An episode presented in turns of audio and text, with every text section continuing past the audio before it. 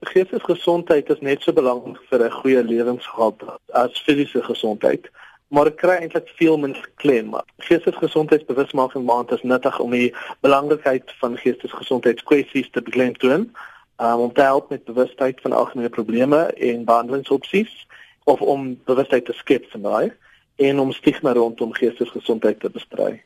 Wat is die statistiek wat geestesongesteldheid in Suid-Afrika betref? Byvoorbeeld, hoeveel mense ly aan geestesgesondheidsprobleme in ons land?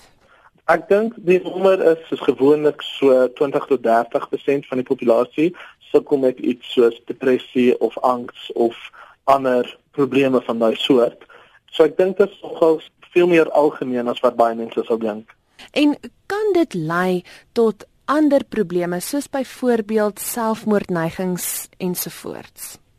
Definitief, veral met selfmoordneigings, so 60% van selfmoordprobleme is aan depressie verband en depressie en ehm um, dwelmgebruik is van die grootste bydraers na selfmoordpogings. So dit is definitief een van die probleme daarmee.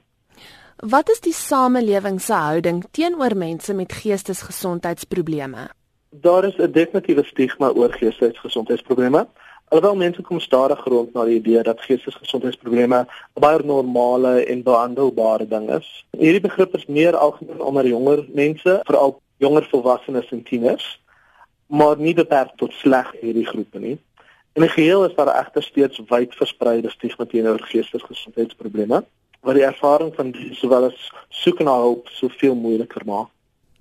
Hoe word mense met geestesgesondheidsprobleme in die werkplek behandel?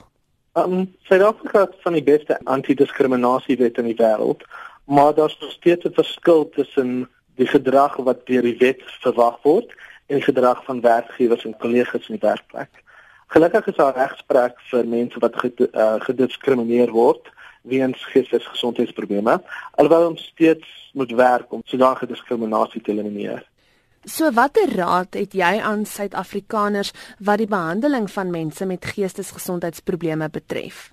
Ek sou definitief sê daar's groepe soos die Labour Rights Board wat baie daarmee kan help.